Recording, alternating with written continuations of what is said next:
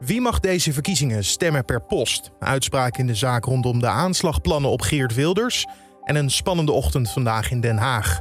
Bij het gerechtshof wordt het hoge beroep over de avondklok behandeld. Volgens de rechter, die dinsdag nog een streep door de avondklok zette, ontbrak het aan de juiste motivering vanuit het kabinet en was er een onjuiste procedure gevolgd. Wat de rechter niet zegt, is dat het een slechte maatregel is. Maar de rechter zegt, je moet wel beter uitleggen hoe precies nut en noodzaak van deze maatregel eruit zien. Maar het is een ingrijpende maatregel die wel proportioneel moet zijn. Dus dat moet je beter onderbouwen. Om tien uur start de zaak vandaag en straks praten we alvast er verder over met noodrechtsspecialist Adriaan Wieringa van de Rijksuniversiteit Groningen. Maar eerst kijken we kort naar het belangrijkste nieuws van nu. Mijn naam is Carne van der Brink en het is vandaag vrijdag 19 februari. Voor het eerst is er geen oversterfte geconstateerd. Het aantal sterfgevallen in ons land is vorige week gedaald tot een normaal niveau. Voor het eerst sinds september vorig jaar is het aantal sterfgevallen weer normaal en is er dus geen sprake van oversterfte, zo meldt het CBS. Vorige week zijn er 3400 mensen overleden, 300 daarvan aan corona. Een verklaring voor het normaal aantal sterfgevallen geeft het CBS niet. NASA heeft donderdagavond met succes de rover Perseverance op het oppervlak van Mars neergezet. Rond 10 uur kreeg de missiecontrole het verlossende signaal dat de rover veilig was geland. Touchdown confirmed. Perseverance safely on the surface of Mars, ready to begin seeking the sands of past life. Perseverance is het negende object en de vijfde rover van NASA op Mars. Wetenschappers hopen met deze missie dat ze meer kennis kunnen vergaren over hoe de omstandigheden waren op Mars miljarden jaren geleden.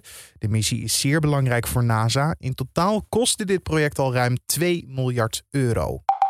De Texaanse senator Ted Cruz ligt onder vuur vanwege zijn vakantie. Critici verwijten hem te vluchten tijdens een van de grootste crises ooit in Texas. Miljoenen mensen zitten daar momenteel zonder stroom als gevolg van een hevige winterstorm.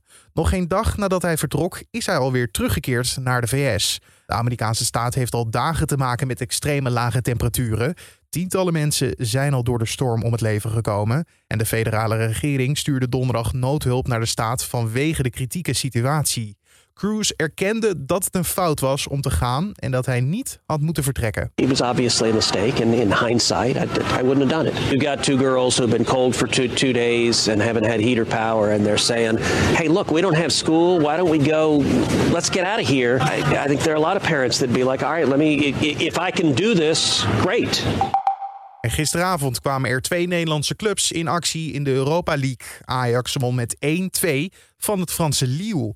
Ajax-spits Brobby schoot in de slotfase de winnende treffer binnen voor de Amsterdammers. Klaassen mooi doorgespeeld. Brobby wordt het nog mooier. Het wordt mooier. Ajax tot de wedstrijd binnen twee minuten. En Brian Brobby, die gratis de deur gaat uitlopen, is hier toch nog even goud waard voor de Amsterdammers. Return tussen Ajax en Lille is volgende week donderdag. PSV heeft dan mindere papieren. Zij verloren namelijk gisteravond van het Griekse Olympiakos met 4-2.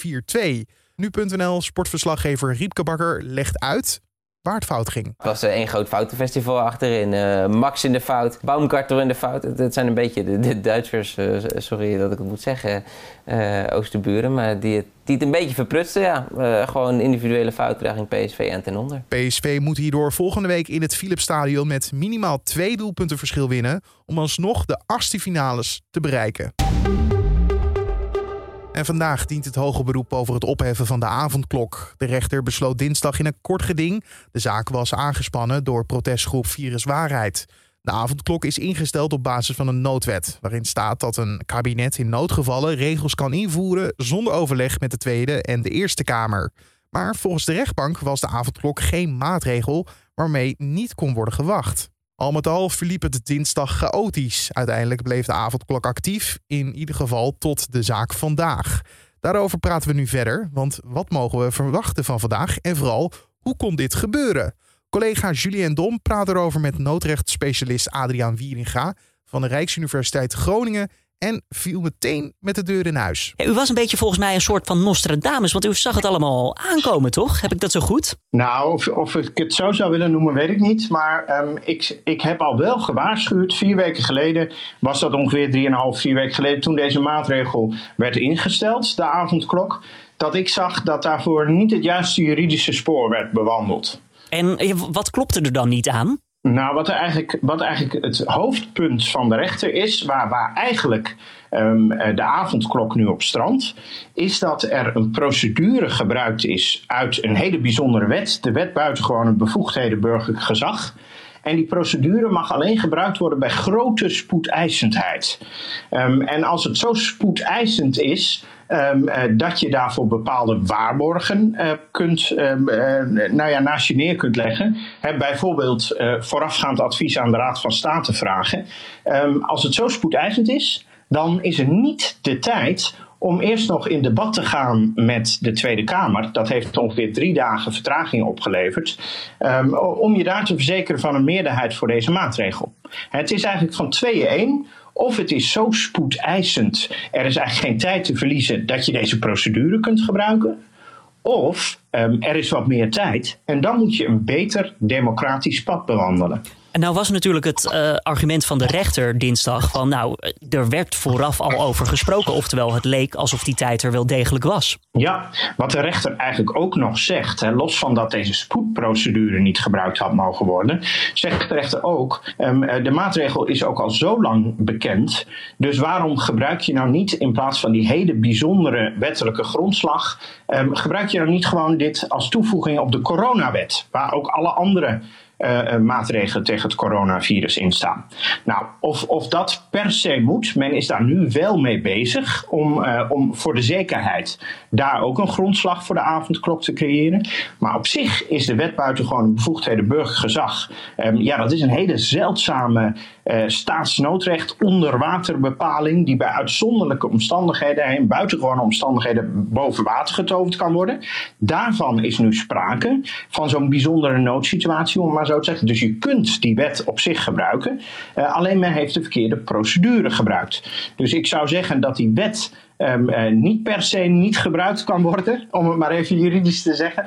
Maar um, uh, dat men de verkeerde procedure heeft doorlopen, dat is vooral het probleem hier. En gaat het dan om zo simpelweg als een vormfoutje, een vinkje wat niet is aangevinkt op een papier en dat is ingeleverd? Of moeten we zeggen van ja, het is meer een soort creatief boekhouden? We hebben het geprobeerd, maar het is niet helemaal lekker uitgepakt. Nou, weet je, um, ik, ik, zou dat beide eigenlijk niet zo willen zeggen. Um, Hoe dan wel? ja, het, het, het, kabinet heeft eigenlijk, de regering heeft eigenlijk een beetje op twee paarden gewet. Uh, men heeft gebruik gemaakt van een procedure om het zo snel mogelijk in te kunnen voeren. Maar aan de andere kant heeft men bedacht, ja, het is ook wel goed om ons van tevoren van steun in de Tweede Kamer eh, te voorzien. Nou, dat zijn twee dingen die niet bij elkaar passen. En eh, het, het gebruik maken van zo'n snelle procedure om die maatregel in te voeren, um, uh, dat moet je met spoedeisendheid kunnen legitimeren. En dat is niet een, een, een vormfout of een, of een klein dingetje. Kijk, die spoedprocedure, en, en dat is eigenlijk uh, met name waar het op zit, die ziet er bijvoorbeeld, voorziet er bijvoorbeeld in dat je geen advies voorafgaand aan de Raad van State hoeft te vragen. Nou, dat is een belangrijk adviesorgaan van de regering. Um, en dat mag je dan overslaan, dat mag je dan achteraf doen. Dus het heeft ook wel echt consequenties uh, he, dat bepaalde waarborgen in die snelprocedure niet um, in acht genomen hoeven te worden. Nou, en daar kan soms een reden voor zijn, namelijk als er enorme spoedeisendheid is. Maar als dat niet het geval is, dan mag je die waarborgen niet achterwege laten. Um, en als je zegt, die spoedeisendheid, um, uh, ja, daar is wel sprake van. Ja, dan kun je dus aan de andere kant ook dan niet nog even drie dagen het besluit uitstellen om eerst met de Tweede Kamer in debat te gaan. Maar hoor ik u dan zeggen dat eigenlijk het kabinet de dupe is geworden van de goede intenties die ze hadden door dit wel eerst te bespreken met de Kamer? Nee, dat zeg ik niet. Nee, wat ik eigenlijk zeg is dat um, uh, het is sowieso heel belangrijk uh, in het noodrecht, zeker waar heel ingrijpende maatregelen worden getroffen, om uh, daar je altijd verzekerd te weten van de inspraak van uh, de volksvertegenwoordiging. Maar in het noodrecht is wel het uitgangspunt dat je eerst bestuurt, hè, je blust eerst de brand en dan leg je verantwoording af achteraf aan de volksvertegenwoordiging, die dan in alle rust ook um, zijn controlerende taak kan uitoefenen. Nou, en dat geldt in spoedeisende gevallen. Um, dit geval, daar was blijkbaar was dat niet zo spoedeisend dat onmiddellijk deze maatregel ingevoerd moest worden. Nou, dan is er dus tijd om de Tweede Kamer daarbij te betrekken. En als die tijd er is, dan moet je dus ook de procedure bewandelen waarbij je advies vraagt aan de Raad van State. En zou je zelfs, en dat is wat de rechter ook zegt, de procedure kunnen bewandelen dat je eerst het hele wetgevingsproces doorloopt. Dus het is eigenlijk een, ja, wat dat betreft ook wel een heel begrijpelijke uitspraak van de rechter. Ook al is het wel een pittige uitspraak. Ja, hoe kan dit dan gebeuren? Want je zou toch zeggen, er werkt wel vast wel iemand daar in de Tweede Kamer, in het gebouw, in de panden eromheen, in op het ministerie die zegt van jongens, hebben we hier wel even aan gedacht? Want ja, dit zit er wel aan te komen. Ja, ja, weet je, um, kijk, dat kunnen, kijk, dat um, um, de avondklok nog niet is opgenomen in de coronawet destijds. Dat komt omdat men in, in die tijd um, echt nog het idee had dat we die maatregel nooit nodig zouden hebben. Hè? En, en men is ook niet, het is ook niet zo, um, uh, en uh, ook van de kant van de regering, dat men heel blij is dat deze maatregel nu afgekondigd is. En, en dat, dat iedereen zich daar goed of prettig bij voelt. En men doet dat echt vanuit een, een, een gevoelde noodzaak. Dat was toen anders in die tijd. Hè? Toen, toen moest men er niet aan denken dat we de avondklok nou nog zouden krijgen. Dat is nu, um, uh, ook met de komst van de Britse variant op het virus, is, is dat denken wat veranderd. Um, uh, dat is het eerste waarom het niet in die wet is opgenomen. En het tweede, um, waarom nou niet die goede procedure is doorlopen. Ja, kijk. Ik denk dat men aan de ene kant gedacht heeft: hoe kunnen we nu snel die maatregel invoeren en daar een procedure bij heeft gezocht. Maar dat men toen, hè, wat ik zei, men heeft een beetje op twee benen gehinkt. Of op, op twee waardige, paarden gewet, hoe je het ook wilt zeggen. Maar toen, um, um, toen heeft men tegelijkertijd, denk ik, gedacht. Terwijl deze procedure al in gang was gezet. Van goh, het is misschien ook wel goed om uh, eerst nog even te polsen, eerst nog even een debat aan te gaan met de Tweede Kamer, of we daar wel genoeg draagvlak voor deze maatregel hebben. Nou ja, en hè, het is van tweeën één. Of er is spoed en het moet onmiddellijk en je doet het via een snelle procedure met weinig waarborgen. Of je hebt de tijd om dit helemaal netjes volgens uh, de procedures te doen. Um, nou ja, en dat laatste, hè, dat er dus drie dagen uitstel is geweest vanwege dat debat, lijkt erop dat er voor de regering toch het, het gevoel geweest is dat er wel tijd genoeg was om um, uh, nou, daar toch iets betere procedures uh, te bewandelen. En dat heeft men niet gedaan. En daar zit dus juridisch iets ja, wat niet op elkaar aansluit. Nou, dat is wat ik eigenlijk uh, vier weken geleden ook al zei. Um, en dat is wat de rechter nu ook constateert. Nou wil het kabinet toch deze vrijdag uh, haar gelijk halen. Ziet u kansen? Nou, het, kijk, het kan verschillende kanten op. Um, het kan zijn dat de rechter, um, uh, de, de, de appelrechter noemen we dat dan, het gerechtshof zegt in dit hoge beroep. Um, uh, deze uh, uitspraak, daar zijn wij het mee eens. wat ik dan wel verwacht, is dat ze uh, hun vonnis, en dat is een beetje technisch, maar niet uitvoerbaar bij voorraad verklaren. Dat wil zeggen dat het niet meteen geëxecuteerd kan worden, wat de regering dan de tijd geeft om eerst zelf um, uh, in een andere wettelijke basis te voorzien. Oftewel die dat nieuwe spoedwet hebben we het dan over. Precies, die, in die spoedwet. Ja, dus een aanpassing, een aanvulling op de coronawet, om het maar even eenvoudig te zeggen. De tijdelijke wet maatregelen COVID-19. Nou, en het tweede scenario is dat het gerechtshof uh, zegt in hun oordeel ja, dat ze toch iets minder stringent naar die procedure kijken, dat ze daar iets minder hard over oordelen. Um, uh, um, en, en dat ze dat, um, nou ja, dat ze dan tot een ander oordeel zullen komen. maar wat de voorzieningenrechter ook nog heeft opgemerkt, is dat, uh, dat de rechtbank constateerde dat nut en noodzaak van de maatregel um, uh, nog niet voldoende draagkrachtig gemotiveerd zijn. Dus de rechter zegt en er is een onjuiste procedure gevolgd, die voor spoedeisendheid terwijl je tijd genoeg had om te overleggen met de Tweede Kamer. Dat klopt niet. En het tweede is uh, de motivering onder nut en noodzaak van deze maatregel is niet draagkrachtig. Dus wat de rechter niet zegt, is dat het een slechte maatregel is. Maar de rechter zegt, je moet wel beter uitleggen wat ehm, hè, hoe precies nut en noodzaak van deze maatregel eruit zien. Maar dat is een ingrijpende maatregel die wel proportioneel moet zijn. Dus dat moet je beter onderbouwen. Nou, daar zullen slimme hoofden nu flink mee bezig zijn waarschijnlijk om die onderbouwing in ieder geval correct te krijgen voor vrijdag. ondertussen wordt er dus ook aan die andere wet gewerkt. als we daar nog heel even naar, naar kijken. Ja, dit wordt allemaal met ja, zo snel er doorheen gejast, om het zo maar even plat te zeggen. Blijkbaar kan dat nu gewoon. Hoe snel kan dit uiteindelijk dan ook gewoon daadwerkelijk een wet worden, denkt u? Nou, dat kan heel snel. Uh, we hebben in de geschiedenis voorbeelden gezien. De allersnelste spoedwet die ik, die ik ken is geloof ik twee dagen geweest. Maar dat, hè, dat, dat, dat was in de aanloop naar de, naar de Tweede Wereldoorlog. Dat is erg lang geleden. Maar we hebben daarna ook af en toe nog wel eens gezien van drie dagen. Uh, en vier dagen um, uh, is, is ook nog wel eens gebeurd. De laatste um, spoedaanpassing van de coronawet. Um, die is geloof ik in vier dagen voltooid. Dat was het toevoegen van de verplichte um, uh, test die je moet afleggen bij het inreizen naar Nederland. En dat was nog niet expliciet genoeg um, dat je een coronatest moet, um, moet overleggen, een, negatieve coronatest, om Nederland in te kunnen reizen. Dat was nog niet voldoende um, uh, duidelijk in de coronawet geregeld. Nou, daar heeft men de wet op aangepast, dus dit op aangevuld. En dat is ook wel in een aantal dagen is dat, uh, is dat gegaan. Uh, dus dat kan op zich wel. Ja. Meneer Wieringa, als laatste vraag dan, uh, ja, met hoeveel spanning kijkt u uit naar uh, ja, de, wat de rechter zal zeggen?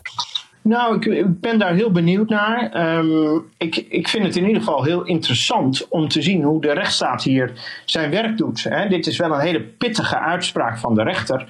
Maar het is ook wel belangrijk dat de rechter, zeker bij ingrijpende maatregelen in crisistijd, toch de uiterste grenzen bewaakt van de rechtsstaat. Nou, en daar hoort bij of de juiste bevoegdheden worden gebruikt. En ook uh, moet steeds gekeken worden of grondrechten niet onrechtmatig worden ingeperkt. Noodrechtsspecialist Adriaan Wieriga van de Rijksuniversiteit Groningen hoorde je daar in gesprek met mijn collega Julien Dom. De zaak start dus vandaag om 10 uur en uiteraard kan je deze volgen via nu.nl of onze app. En dan de verdere nieuwsagenda voor vandaag. Volledig los van het hoge beroep over de avondklok komt er vandaag ook nog ander avondkloknieuws. De Eerste Kamer buigt zich namelijk over de spoedwet voor de avondklok. Dat is dus een andere juridische onderbouwing dan die waar het hoge beroep nu om draait. Mocht de staat het hoge beroep dus verliezen, dan ligt er al een andere avondklokwet klaar. Mits de Eerste Kamer instemt tenminste, maar dat ligt wel in de lijn der verwachtingen. De rechtbank in Den Haag doet vanochtend uitspraak in een kort geding over stemmen per post dat de Partij voor de Dieren had aangespannen tegen de staat. Volgens de politieke partij is er sprake van discriminatie als alleen 70-plussers komende verkiezingen per brief mogen stemmen. Zij worden dan bevooroordeeld en dat is in strijd met het kiesrecht, vindt de partij. En in de extra beveiligde rechtszaal in Rotterdam doet het gerechtshof uitspraak in de strafzaak tegen de 28-jarige Unat I. Het OM verdenkt hem onder meer van het voorbereiden van een terroristische aanslag op PVV-leider Geert Wilders. Het OM eist in hoger beroep 10 jaar cel. De verdachte werd in 2018 opgepakt nadat hij in een filmpje op Facebook een aanslag op Wilders of de Tweede Kamer had aangekondigd. I zou boos zijn geweest over de door Wilders uitgeschreven cartoonwedstrijd rondom profeet Mohammed. En dan het weer van vandaag. Ik kan het je niet zeggen, want als ik nu naar buiten kijk, dan zie ik dat het nog pikkerdonker is om 5 uur s'nachts. Maar wie je wel kan vertellen wat voor dag het gaat worden, dat is Raymond Klaassen van Weerplaza. Het wordt een rustige weerdag vandaag, die wel vrij fris begint. De temperatuur ligt rond zonsopkomst tussen 0 en 2 graden in de buitengebieden. Aan zee is het wel iets zachter. In de loop van de dag loopt de temperatuur op naar een graad of 10 en wind waait dan uit het zuidwesten en is overwegend matig. Wat het weerbeeld betreft, er zijn vandaag zonnige perioden en wolkenvelden en het blijft heel de dag droog. In het weekend wordt het nog een stuk zachter. Ook dan blijft het droog en vooral zondag is er veel zon. Dankjewel Raymond Klaassen van Weerplaza. En tot zover deze Dit wordt het nieuws podcast voor de vrijdag 19 februari. Je vindt ons op de voorpagina van nu.nl in de ochtend en middag, maar natuurlijk ook in je favoriete podcast app. En denk dan aan Spotify, Apple Podcast of Google Podcast. Je vindt ons door te zoeken naar nu.nl Dit wordt het nieuws. En dan eh, kan je je gratis abonneren op deze podcast. Mijn naam is Carne van der Brink. Bedankt voor het luisteren en alvast een hartstikke fijn weekend.